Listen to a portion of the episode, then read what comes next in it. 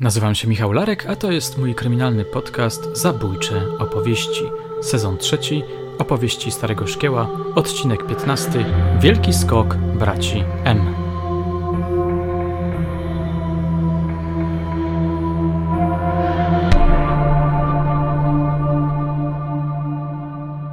Moje drogie, moi drodzy, dzisiejszy odcinek będzie zamykał serię zatytułowaną Opowieści Starego Szkieła. Dogram jeszcze pewnie obiecane QA z kapitanem Czechanowskim i rozpocznę nowy sezon. Na marginesie, jeśli chcecie QA z jakimś innym oficerem, dajcie znać, chętnie spełnię Wasze życzenie. Wiem, że wielu z Was polubiło opowieści starych gliniarzy, spieszę więc donieść, że ta seria będzie za jakiś czas kontynuowana. Niech tylko skończy się ten przeklęty lockdown. Tymczasem przechodzę do rzeczy.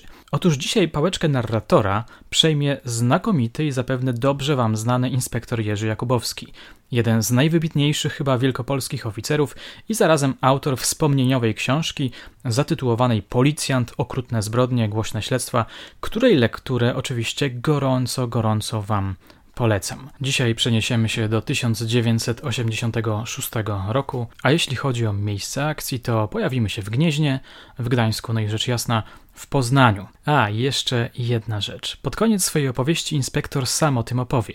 Ja tylko teraz zasygnalizuję króciutko. Niniejsza sprawa, bardzo głośna i emocjonująca w tamtym czasie, stała się punktem wyjścia dla scenariusza filmu fabularnego, który już niebawem przejdzie w fazę realizacji. Posłuchajcie. Zaczęło się w sposób, jak to często bywało, zaskakujący i, i, i trudny do przewidzenia. Ja 20 marca 1986 roku szykowałem się do wyjazdu, kilkudniowego wyjazdu w tak zwany teren, prowadząc, już nie pamiętam jaką sprawę, prawdopodobnie chodziło o jakieś, jakąś serię włamań w rejonie Nowego Tomyśla. I mieliśmy już przygotowany wyjazd y, z kolegami z Wydziału Kryminalnego, żeby tam pojechać. Mieliśmy wytypowanych sprawców. Logistycznie byliśmy przygotowani. Ja przyszedłem do pracy w dresie, spodziewając się, że zaraz będę jechał do Nowego Tomyśla. Mm, tymczasem zaraz po, po przyjściu do, do, do, do wydziału zostałem zawołany do um, ówczesnego zastępcy naczelnika naszego wydziału, późniejszego generała Smolarka. No i nic, nic z wyjazdu do Nowego Tomyśla. Szybko się przebieraj i jedziesz do Gniezna, bo w Gnieźnie mamy, mamy włamanie do katedry. Nie było jeszcze szczegółów. Nie, nie, nie było informacji, co konkretnie zginęło. Była tylko informacja, że mało, miało miejsce włamanie do katedry w Gnieźnie. No i w związku z tym w związku z tym zmiana, zmiana e, garderoby, e, inny samochód, inny kierunek. Pojechaliśmy e, z dosyć sporą ekipą, kilka samochodów mm, do Gniezna. Okazało się, że mm, miała miejsce kradzież, kradzież, dewastacja, można powiedzieć, że kradzież figury świętego Wojciecha, która stanowiła część sarkofagu świętego Wojciecha, która, która była umieszczona nad ołtarzem w nawie głównej katedry gnieźnieńskiej. No poruszenie ogromne, bo to mm, szczególnie dla środowiska mm, kościelnego była mm, tragiczna sytuacja, tragiczna wiadomość. Y, przedmiot kultu religijnego od lat skradziony, zbezczeszczony, zniszczony. O tym wskazywały ślady działania sprawców. No i krótko mówiąc, trzeba było na, na początek podzielić rolę. Kierującym działaniami był mm, właśnie zastępca naczelnika, ówczesny major Zenon Smolarek, mm, który przejął kierowanie grupą. Podzieliliśmy, podzielił zadania. Część mm, kolegów zajęła się oględzinami katedry a więc byli to policjanci z mojego wydziału i eksperci kryminalistyki, których było kilku, którzy zbierali ślady, każdy ze swojej specjalności. Ja natomiast miałem zadanie e, przesłuchać, pamiętam, jeśli chodzi o ten pierwszy dzień, który był takim dniem rozpoznania, to znaczy mm, zorientowania się, z czym mamy do czynienia. Przesłuchi- zostałem wyznaczony do przesłuchania księdza proboszcza, y, y, ówczesnego księdza proboszcza tej parafii archikatedralnej w Wieźnie, księdza Zenona Willi. Chodziło o uzyskanie danych dotyczących tego sarkofagu. Żeby, żeby uzyskać mm, jednoznaczne dane dotyczące tego, co zginęło. Krótko mówiąc, było to o tyle istotne, że informacje, które, które z tego przesłuchania miałem uzyskać, miały posłużyć do ewentualnego typowania sprawców, a może nawet bardziej nie tyle sprawców, co osób, które były zainteresowane w przejęciu e, pewnych elementów sarkofagu świętego Wojciecha, a więc pewnych kolekcjonerów, ludzi, którzy zajmowali się kradzieżami dzieł sztuki itd. Tak itd. Tak no i druga, drugi element tego przesłuchania to była kwestia logistyki, a więc jak katedra była zabezpieczona, kto miał dostęp, kiedy była zamykana, kto otwierał tą katedrę, kiedy kto zauważył kradzież. A więc takie okoliczności związane mm, z, z udokumentowaniem okoliczności kradzieży. No i ten pierwszy dzień tak, tak przebiegł.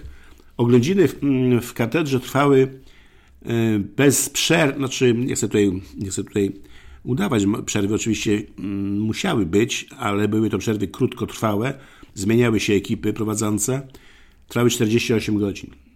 Ogrom pracy przy oględzinach tak wielkiego obiektu jest y, no, rzeczywiście znaczny, a tutaj nie można było sobie pozwolić na żaden błąd. Prawda? Za, każde jakieś, każda jakaś niedoróbka mogła skutkować, że nie, nie utrwalimy śladu, który mógłby być niezwykle istotny przy typowaniu sprawców.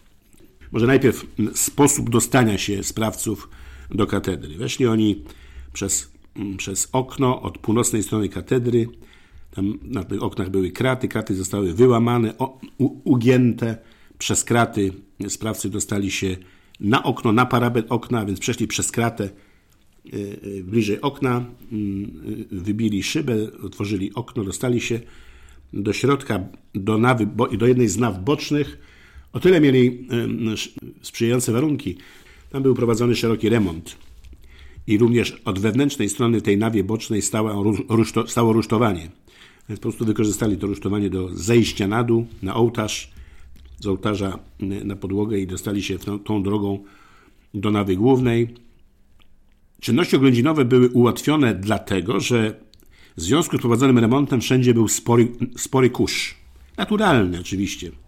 No, jeżeli są prowadzone prace murarskie mm, i tak dalej, i tak dalej, no to uzasadnione jest to, że na ołtarzu, na podłodze, na ścianach wszędzie był kurz. W związku z tym ujawniono piękne ślady butów. Właściwie można było w tym kurzu przeprowadzić prawie że ścieżkę dojścia sprawców do, mm, do ołtarza i, i odejścia e, od ołtarza. Ujawniono sporo śladów. Co stwierdzono? Nie było pełnoplastycznej figury świętego Wojciecha. Ta figura została oderwana od skrzyni, na którym, na, na którym ona była usad, u, usadowiona. Wszystkie elementy ozdobne. Ten cały sarkofag był, jakby powiedzieć, wykonany ze srebra obity również blachą srebrną. W tej, tym, tym sarkofagu miały znajdować się, czy znajdowały się relikwie świętego Wojciecha. I na zewnątrz były elementy ozdobne, więc mm, orł, orły, anioły, które ozdabiały te elementy na zewnątrz trumny. To wszystko zostało oderwane.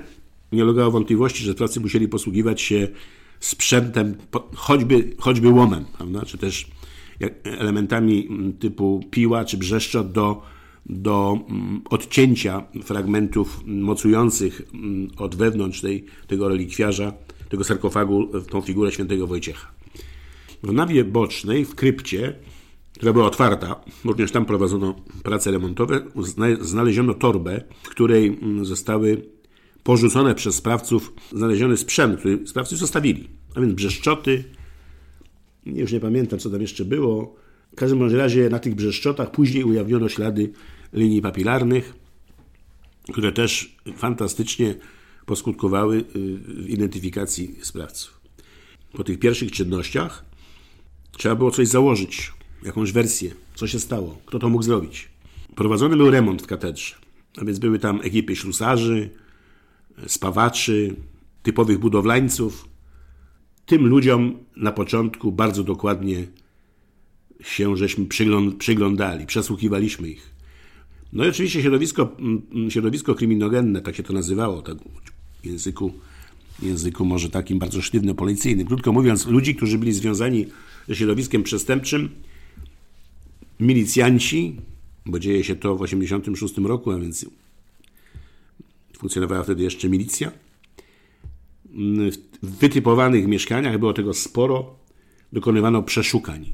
Przeszukań no pod kątem wszystkiego, co, co mogło mieć związek z, z tym zdarzeniem. Już nie, nie tylko chodziło o, o, o sprzęt zrabowany, ale na przykład jakieś, jakieś elementy mm, związane z, z katedrą, z, z, z świętym Wojciechem, cokolwiek, co mogłoby nasunąć związek mm, osoby z tym zdarzeniem. No niestety ten pierwszy, pierwsze dni, 4-5, niewiele dały, prawda? Niewiele dały. Informacje oczywiście mm, koledzy z Wydziału Kryminalnego, który, którzy jednocześnie w środowisku przestępczym prowadzili rozpoznanie, przy, przynosili ciekawe informacje, żebyśmy się codziennie wieczorem spotykali na odprawach i żeby się wymieniali informacjami. To, co wynikało z przesłuchań i to, co wynikało z ich y, spotkań operacyjnych w środowisku przestępczym. Krótko mówiąc, spotkań z, z informatorami policji było przedmiotem analiz, oceny itd., tak itd. Tak Informacje były różne, ale niestety nie było tej przełomowej, takiej, która skutkowała, mm, skutkowała sukcesem.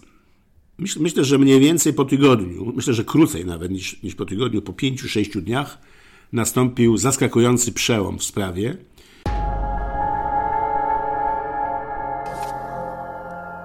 Ale zanim do, o tym będę mówił, powiem jeszcze o innej historii, która według mnie miała decydujące znaczenie dla sukces, sukcesu wykrywczego w tej sprawie. Zanim zacznę o tym mówić, to chcę powiedzieć tak, o pewnym klimacie, który wówczas towarzyszył naszym działaniu. To był 86 rok, marzec, półtora roku po tragicznej śmierci księdza Jerzego Popiełuszki, zabójstwa, po zabójstwie księdza Jerzego, Jerzego Popiełuszki, Popiełuszki, gdzie mm, stosunki państwo-kościół były w bardzo trudnym momencie. My, jako milicjanci prowadzący sprawę kryminalną, specjalnie nie myśleliśmy o jakichś tam sprawach politycznych, prawda? związku między władzą a kościołem. To nas specjalnie nie interesowało. Proszę mi wierzyć, że dla nas najważniejszą rzeczą było ujęcie sprawców i próba odzyskania tego srebra. To, to, tym żeśmy się kierowali, a te wszystkie historie polityczne, myśmy to obserwowali oczywiście po zachowaniu naszych przełożonych, również przedstawicieli Kościoła, którzy mm, początkowo podchodzili mm, do nas z ogromną rezerwą, nie bardzo wiedząc, co się tak do końca stało. Czy to nie jest jakaś prowokacja, choćby służb. Myśmy też y, na ten temat się zastanawiali, czy czasem, żeby ocieplić stosunki państwo-kościół, ktoś nie wymyślił, ktoś nie inspirował sprawców przynajmniej do takiego czy innego zachowania. Ale myśmy to odstawiali, ponieważ kompletnie się polityką nie chcieliśmy wówczas zajmować, aczkolwiek no, między sobą na ten temat żeśmy rozmawiali. Strategiczną decyzją w tej sprawie, nie waham się tego mm, powiedzieć, strategiczną, decydującą, decydującą dla przebiegu sprawy było ogło publiczne ogłoszenie nagrody dla osoby, która wskaże sprawców albo też przyczyni się do ich ujęcia. Oczywiście były dyskusje, jakiej to, jakiej to ma być wysokości nagroda. Ja nie pamiętam dokładnie, ile żeśmy wówczas zarabiali. Myślę, że to były, że to było, to były stare złote jeszcze. Bo to wiadomo, 86 rok. Myślę, że gdzieś w granicach kilkudziesięciu tysięcy złotych żeśmy zarabiali miesięcznie. Nie jestem w stanie Państwu powiedzieć, jaka to była kwota. W każdym razie Ministerstwo Kultury w, w, w porozumieniu z Ministerstwem Spraw Wewnętrznych, bo na, na tym poziomie zapadały decyzje, ufundowało nagrodę w wysokości 500 tysięcy złotych. Do tego doszły dwie nagrody od osób prywatnych, które, które też zgłosiły się i w sumie wartość przewidzianej nagrody dla osoby, która miała się, która mm, przyczyni się do ujęcia sprawców, wynosiła 700 tysięcy złotych. Proszę wierzyć, że to była kwota niemała, może tak, nie, niemała. No i rzeczywiście y, po dosłownie 2-3 dni po ogłoszeniu tej, tej nagrody, myślę, że to się działo ciągle jeszcze w tygodniu od, od dokonanego czynu, a dzieje się to w marcu, tuż przed Wielkanocą. Ten tydzień między 20 a 27 marca to był tydzień, to, był, to była chyba środa lub czwartek, a następnym tygodniu mieliśmy tydzień przedświąteczny. Święta wielkanocne były wtedy y, stosunkowo wcześnie, przy ostatnich dniach marca, y, początku kwietnia.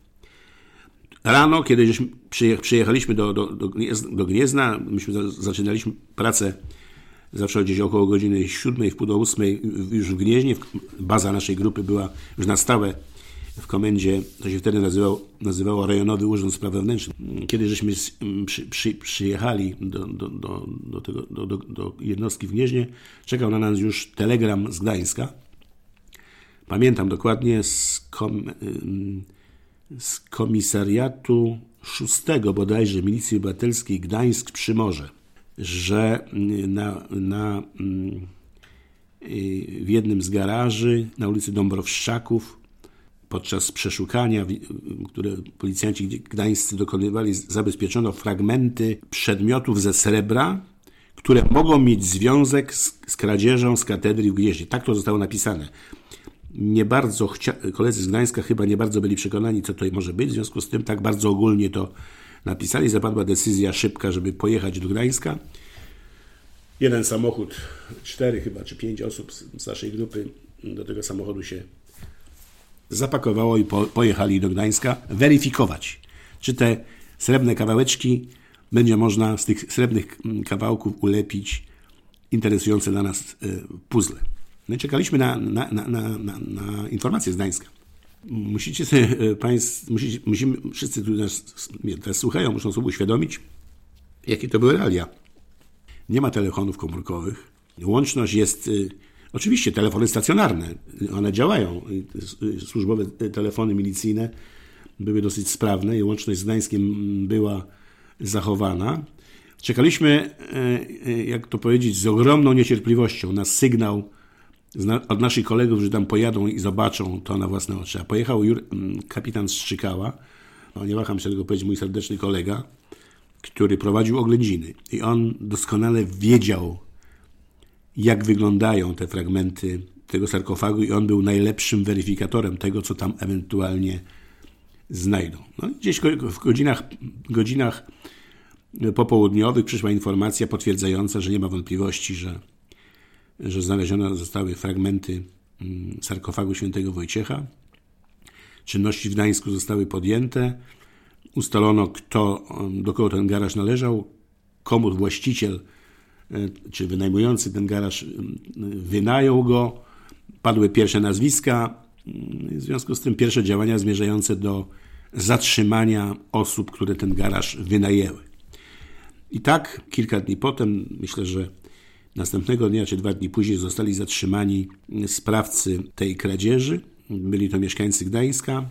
Zatrzymania były dosyć spektakularne. Wiem, że pamiętam, że przynajmniej jednego z tych Sprawców zatrzymywano w pociągu, on wracał z jakiejś rozprawy mm, z sądu, nie swojej, tylko jakiegoś, mm, nie pamiętam, czy to był jego, mm, jakiś jego kompan, jeśli chodzi o działania przestępcze, wracał do Gdańska pociągiem, został zatrzymany w pociągu, a pozostała dwójka została zatrzymana na, na terenie Gdańska. Oczywiście w Gdańsku, wiadomo, zatrzymanie to, to, to jest jedno, ale Trzeba było zrobić bardzo dokładne przeszukania w mieszkaniu, mieszkaniach, nie tylko u, u braci, ale również u trzeciego sprawcy. Mm, szukano wszystkiego, co może mieć związek, prawda? Co może mieć związek mm, z, z włamaniem. Zabezpieczano również odzież, bo nie do końca było wiadomo, y, jak, jak, jak, mm, jak byli ubrani, prawda? A tutaj kontakt ze srebrem mógł powodować tym, że jakieś tam drobiny mogłyby się na odzieży znaleźć. Dlatego, dlatego zabezpieczano no, całą gamę mm, odzieży. Była rozmowa z matką. Pamiętam tych, tych braci, ona mniej więcej wskazywała, w jak chodzą ubrani, no ale przecież ona nie wiedziała, gdzie się wybierają ich, jej synowie, więc trzeba było tą odzież jednak zabezpieczyć y, maksymalnie, maksymalnie dużej ilości.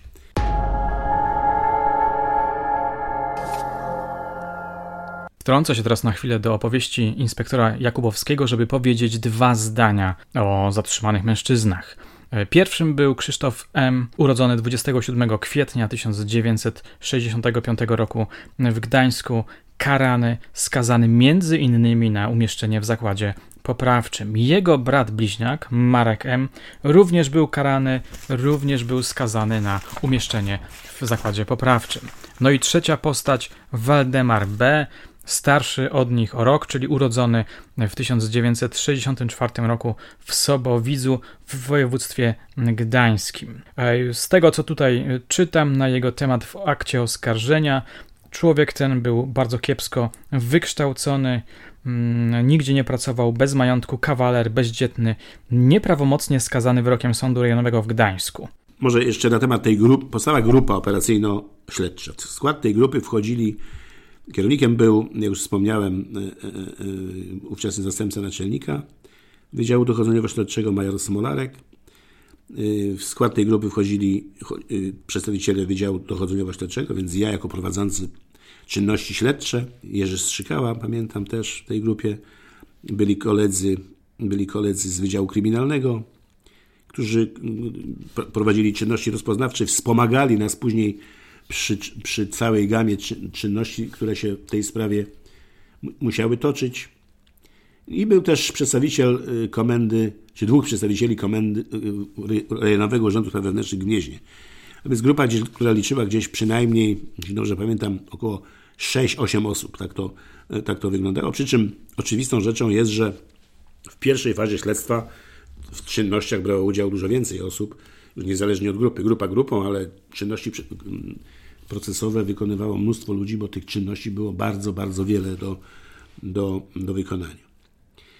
Zostali przywiezieni do Poznania. Przesłuchania, pamiętam, to znaczy, może tak, trzeba było procesowo uzyskać dane, że te fragmenty znalezione w garażu pochodzą z sarkofagu. A więc przeprowadzono czynności polegające na okazaniu, prawda, na okazaniu tych przedmiotów przedstawicielom mm, kościoła, Dostali zarzuty, byli przesłuchiwani przez prokuratorów, żaden z nich się nie przyznał. Oczywiście y, koledzy z Wydziału Kryminalnego mm, cały czas działali na terenie Gdańska, y, zbierali informacje. Wszystko, co jest, co jest potrzebne w rozmowie o nich, o tych sprawcach, prawda? o ich życiu, o tym, co, co robili, jakie do tej pory czyny popełniali, jakie mieli kontakty rodzinne, towarzyskie, gdzie się obracali, w jakie sprawy byli zamieszani i do jakich spraw Policja Gdańska ich przymierzała, jakie, jak, jak, jakie mieli dziewczyny, jaki był układ rodzinny i tak dalej, i tak. To wszystko mogło mieć kapitalne znaczenie w przesłuchaniach. Zostali aresztowani, no i zaczęły się przesłuchania. Pamiętam, że w międzyczasie były święta. Ja tylko chcę zwrócić uwagę na tempo. Tempo to jest coś nieprawdopodobnego. Mówimy w tej chwili o reformie sądów. Ja chciałbym dedykować to, co teraz będę mówił, tym tak zwanym reformatorom. Prawda?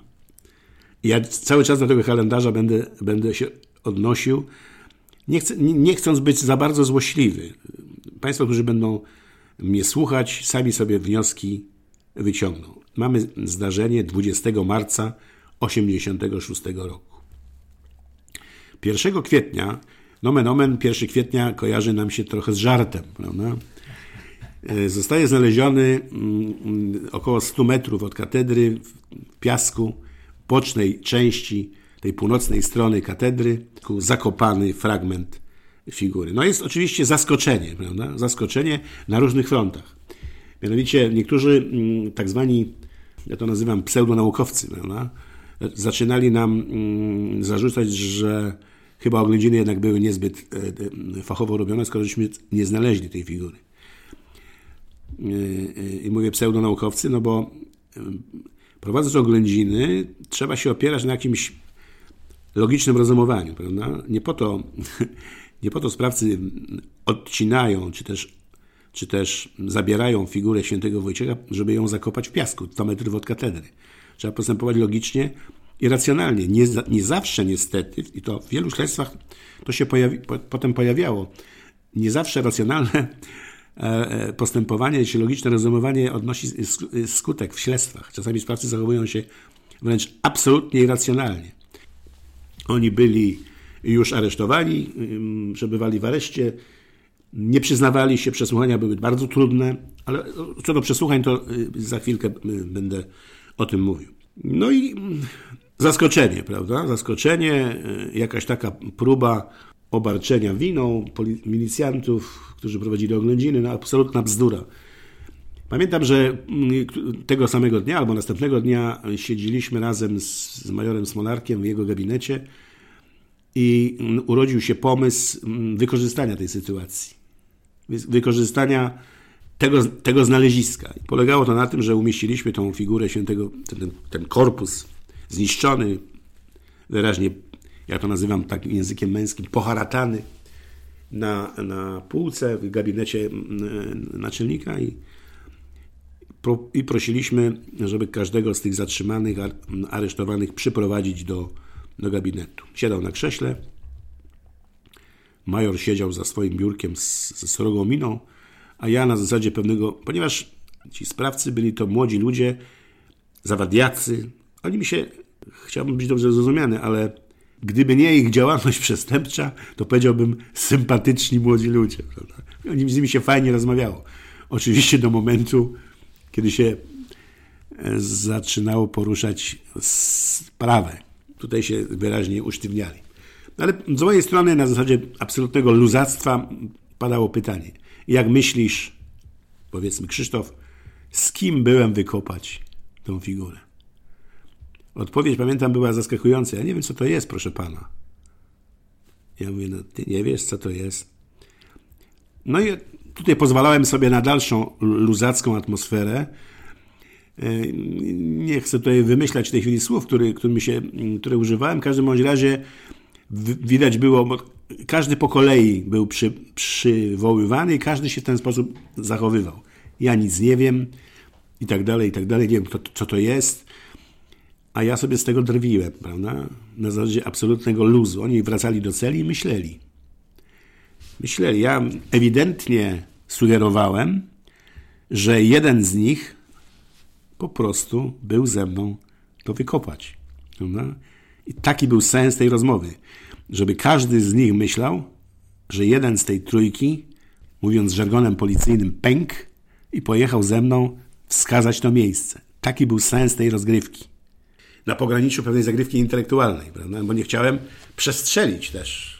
No i major nie miał specjalnie, mm, pamiętam, nie był przekonany, czy, że to coś da. Co do przesłuchań. Przesłuchania były trudne, ponieważ oni nie chcieli w ogóle rozmawiać początkowo była kwestia ich przełamania, prawda? Przełamania. Chodziło o to, żeby pokazać, żeby nawiązać w ogóle rozmowę, żeby oni chcieli z nami rozmawiać.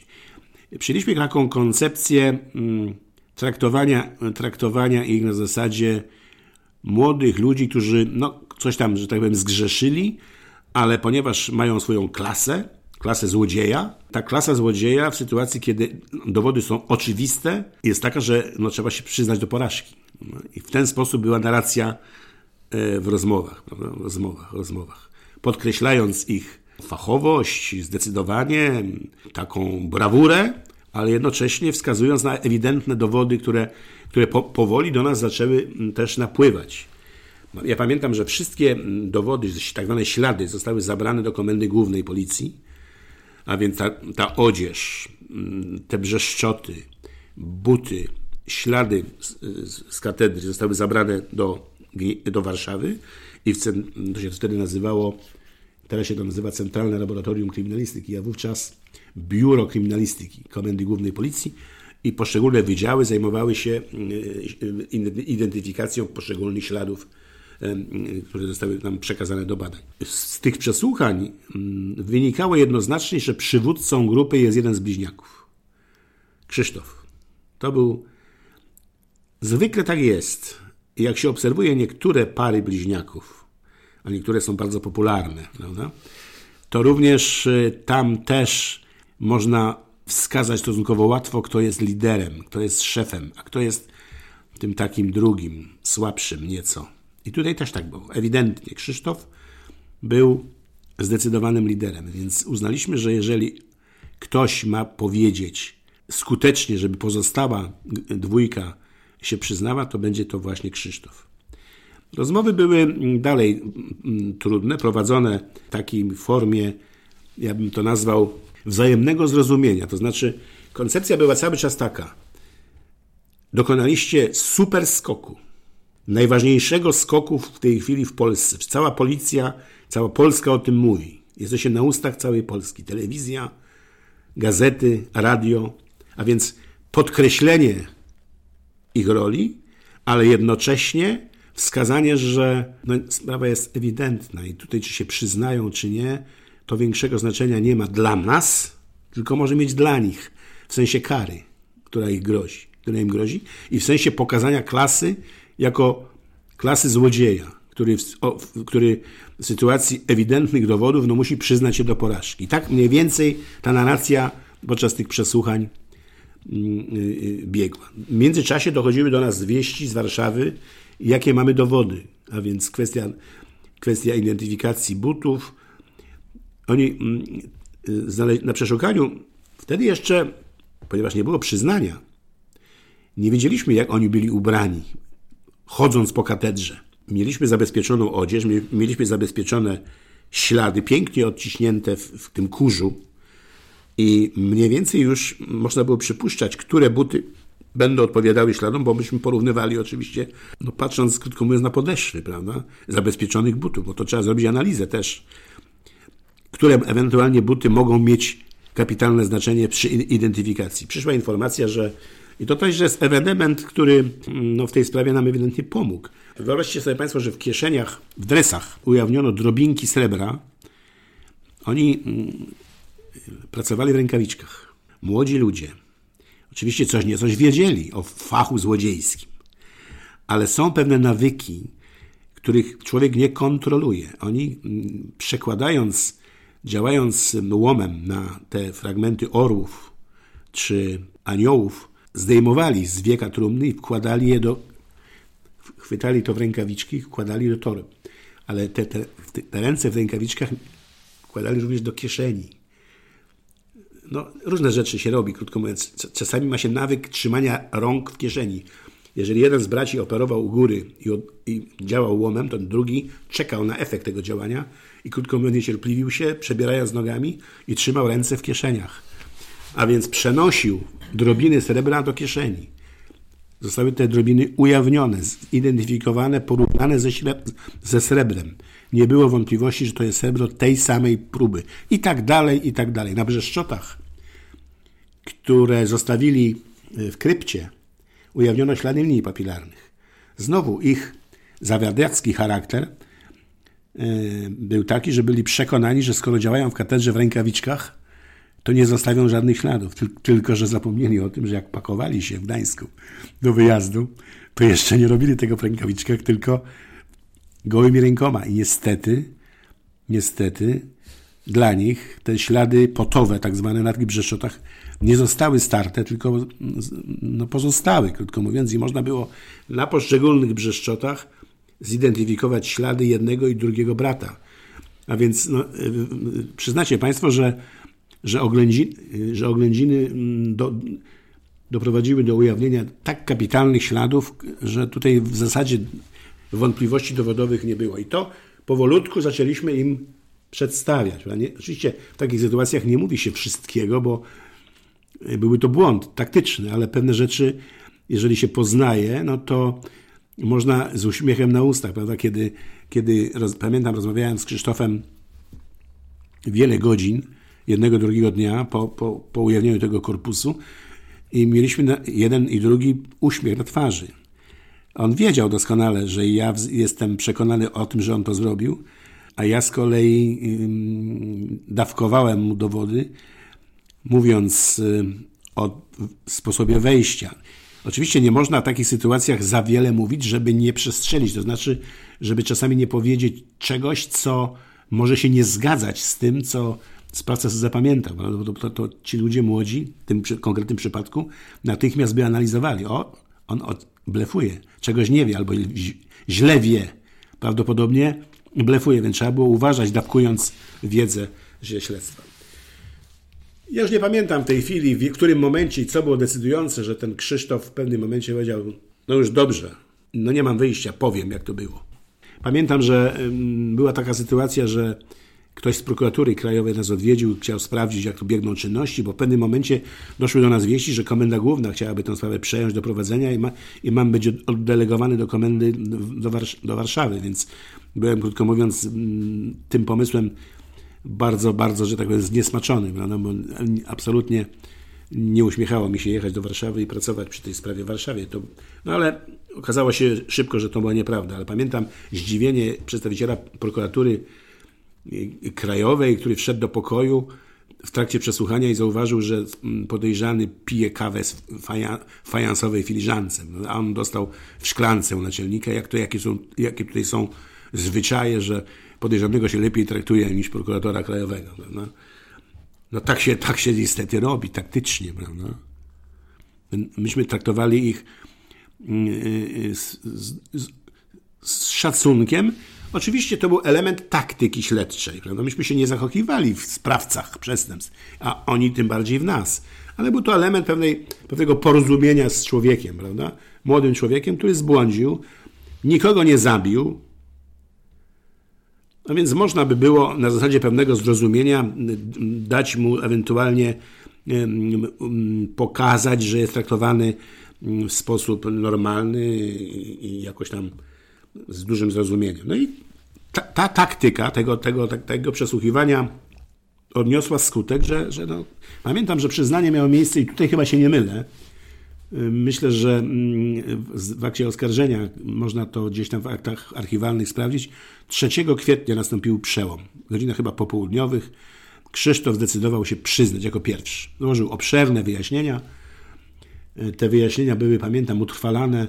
Mam to przed oczyma, bo to jest historia mm, przy, przy wykorzystaniu magnetofonu szpulowego, tak zwanego ZK, ileś tam Mm, trzeba było no, umieć się tym magnetofonem po, posługiwać. Nie było to trudne, ale, ale nie, niezbyt często stosowano wówczas jeszcze taką metodę.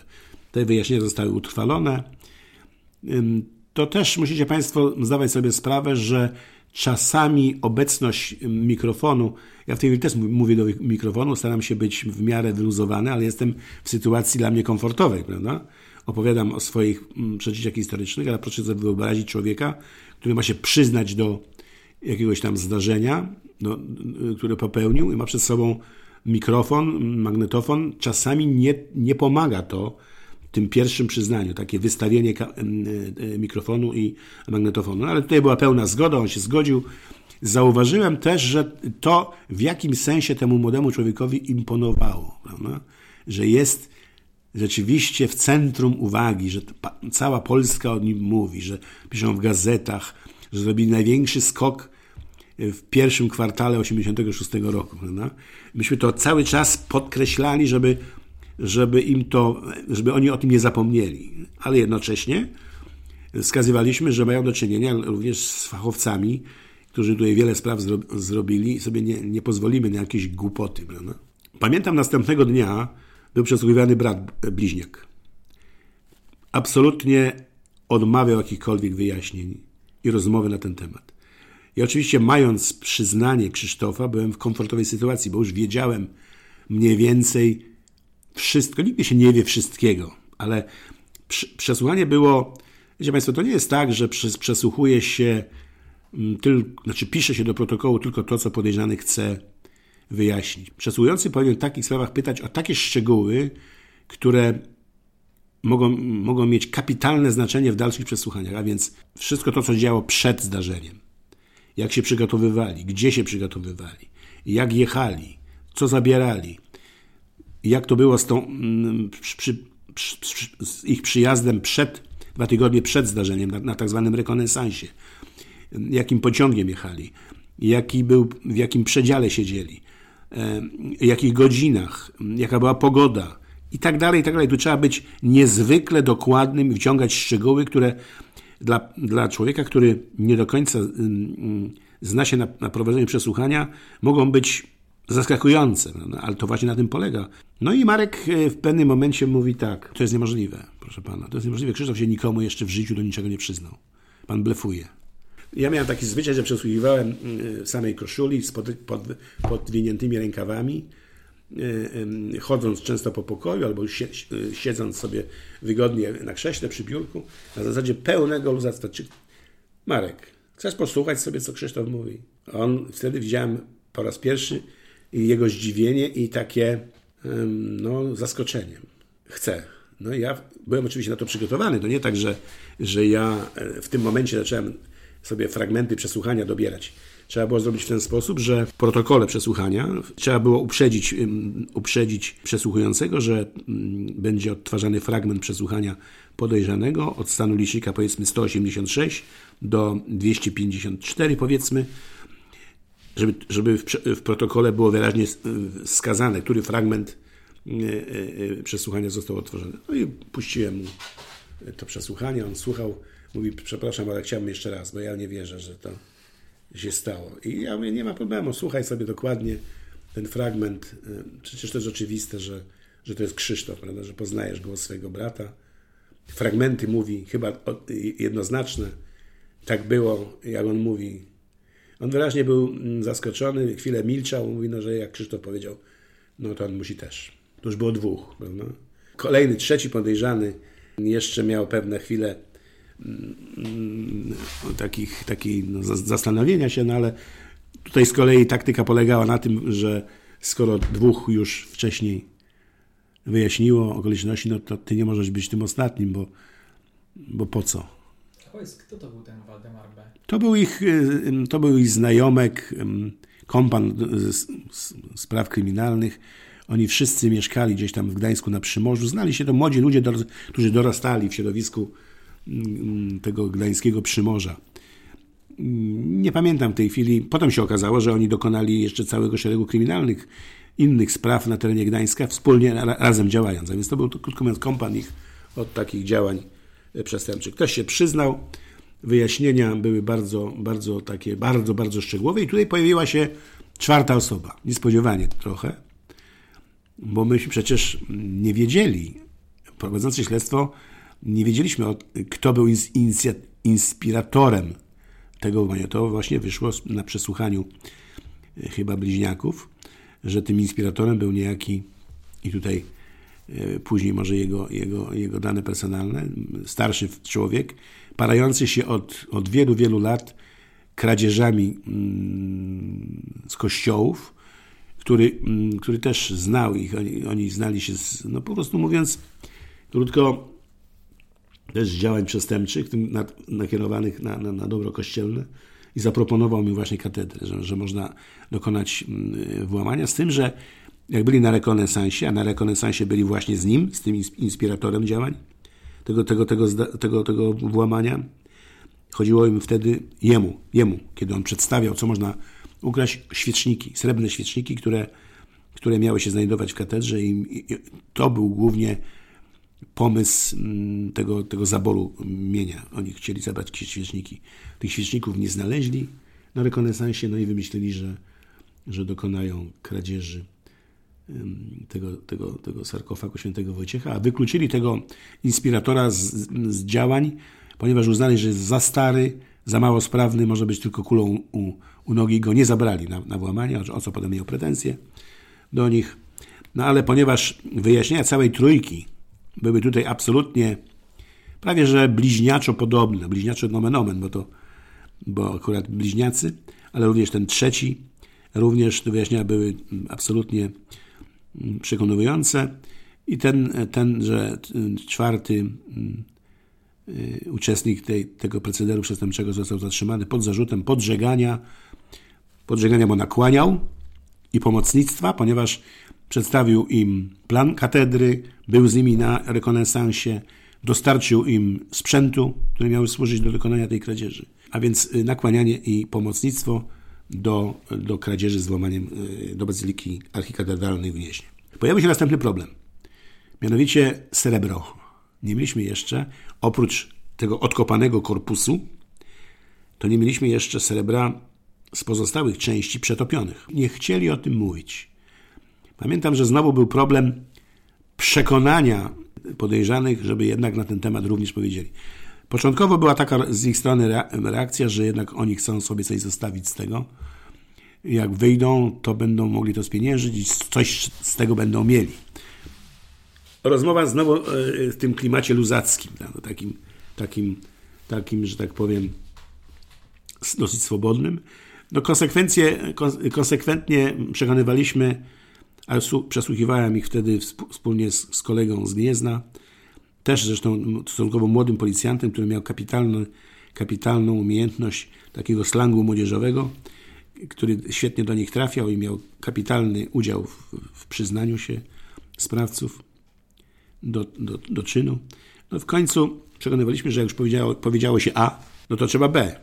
Nie, nie trafiało to początkowo, no ale w końcu, w końcu jednak udało się im przekonać i pamiętam, że któregoś dnia major, major zażyczył sobie major kierownik grupy, major Smolarek, mm, ażeby mm, przesłuchiwany był przez niego jeden z bliźniaków, a równolegle drugi był przesłuchiwany przeze mnie. I proszę sobie wyobrazić, że na tym tak zwanym równoległym, równoległym przesłuchaniu obydwoje narysowali szkic, szkice, w którym miejscu jest zakopane srebro. Jak żeśmy później z majorem porównywali te szkice, to pra praktycznie jak kalka. Bliźniacy narysowali identyczne szkice miejsca zakopania srebra. Tak jakby, tak jakby no po prostu jeden do drugiego kalkował. To, to, to, to, to było niesamowite, niesamowite, że tak można y, identycznie przedstawiać w sposób graficzny miejsce zakopania srebra. Wizje lokalne. Znowu wracam do czasu. Dedykuję to cały czas osobom, które zajmują się e, reformą sądownictwa zdarzenie 20 marca w, granic, w granicach 14, 15, 16 kwietnia odbyły się wizje lokalne z udziałem całej trójki y, podejrzanych. Pokazywali w Gnieźnie w jaki sposób, w katedrze, w jaki sposób dokona, dokonali tej kradzieży. W międzyczasie, na, działając na podstawie tych szkiców, pojechaliśmy do, do, do Gdańska wykopywać w tym miejscu wskazanym przez podejrzanych srebro. Udało się, było to idealnie wskazane na ulicy Obrońców Wybrzeża, jeśli dobrze pamiętam, na Przymorzu, po drugiej stronie ulicy, tam gdzie oni mieszkali, pod płotem, takim zupełnie mało szczególnym miejscu, wykopaliśmy bodajże pięć, pięć czy, czy sześć bryłek, przetopionych bryłek srebra, które pochodziły z przetopienia mm, zrabowanych fragmentów sarkofagu świętego Wojciecha. Mieliśmy, mieliśmy wtedy, proszę mi wierzyć, niekłamaną satysfakcję zwrotu tych, tych przedmiotów w stronie kościelnej, bo widzieliśmy, widzieliśmy takie szczere, prawdziwe zatroskanie tych ludzi, którzy stracili coś dla siebie bardzo cennego. To trzeba rozumieć, prawda? To trzeba rozumieć i, i, i trzeba czasami docenić, a może przede wszystkim zrozumieć to przygnębienie mm, ludzi, którzy, dla, dla których strata tego sarkofagu była nie tylko, nie tylko materialna, ale przede wszystkim w sferze, w sferze emocjonalnej, kulturowej, no w sferze wiary po prostu stratą ogromną i odzyskanie no było, było, było naprawdę bardzo, bardzo ważne. Na początku maja, myślę, że nie mylę się, znowu myślę, że kiedy zajrzymy do aktu oskarżenia, wtedy będziemy mieli dokładne daty, Sprawa została zakończona. Proces zaczął się 1 czerwca.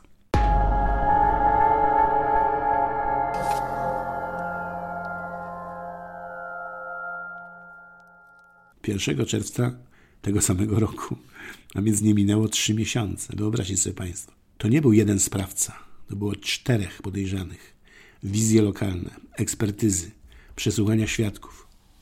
1 czerwca zaczyna się proces. 1 lipca zapada wyrok. Po raz kolejny dedykuję przykład tej sprawy tym, którzy naprawiają wymiar sprawiedliwości. 20 marca sprawa ma miejsce. 1 lipca zapada wyrok. Po kilku miesiącach zapada wyrok prawomocny. W międzyczasie nastąpiła rzecz zaskakująca dla nas, policjantów. Mianowicie ktoś w prokuraturze wpadł na genialny pomysł, genialny w cudzysłowie żeby zmienić kwalifikację czynu. A więc kradzieży mienia prywatnego, jaką niewątpliwie stanowiło mienie kościelne, zrobiono mienie ogólnonarodowe, tak zwane. Uznano, że mm, ze względu na wartość historyczną, nakłady, które podobno państwo łożyło, uznano, że jest to mienie ogólnonarodowe i zmieniono kwalifikację na artykuł 201, a więc kradzież mienia społecznego. Różnica zasadnicza mianowicie taka, że górna granica kary za, za, za takie przestępstwo to 25 lat pozbawienia wolności. To była mm, decyzja y, zaskakująca. Muszę powiedzieć, może, może to zabrzmi, może, y, może to wzbudzić zdziwienie, ale pamiętam naszą reakcję milicjantów. Udzieliliśmy wywiadu dziennikarzowi Życia Warszawy. Podczas tego wywiadu żeśmy ten pomysł po prostu ośmieszyli, twierdząc, że mienie kościelne jest, nie jest mieniem państwowym. I to jest jasne, oczywiste i nie ma o czym.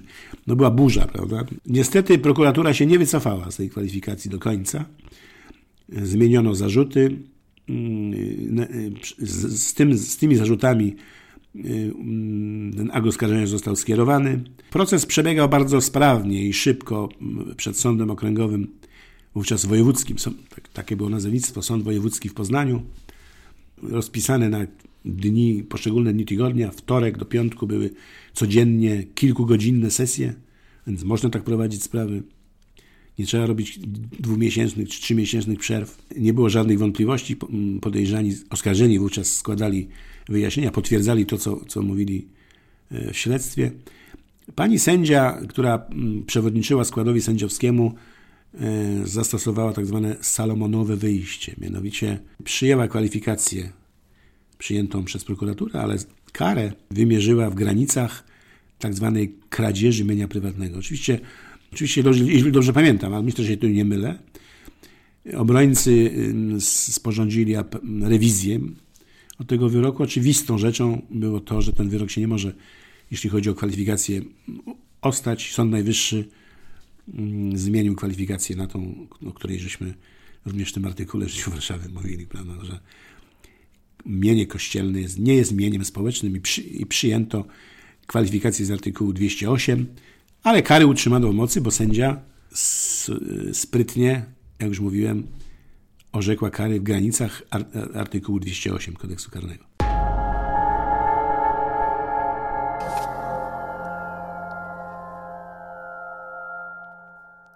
Tak, no więc y, rzeczywiście jest dalszy ciąg. Ja tą sprawę opisałem troszeczkę w mojej książce.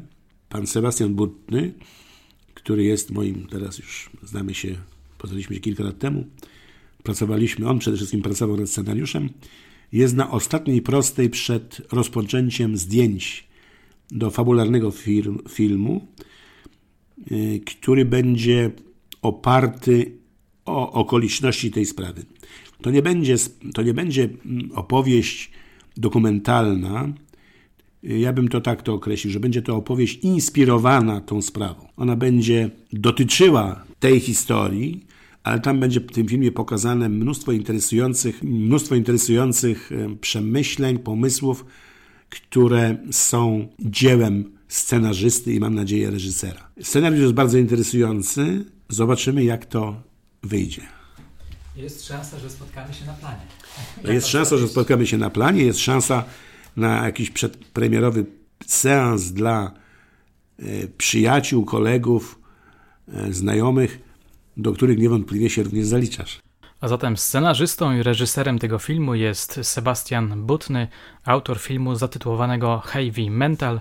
Miałem przyjemność przyglądać się pierwszym wersjom e, tego scenariusza.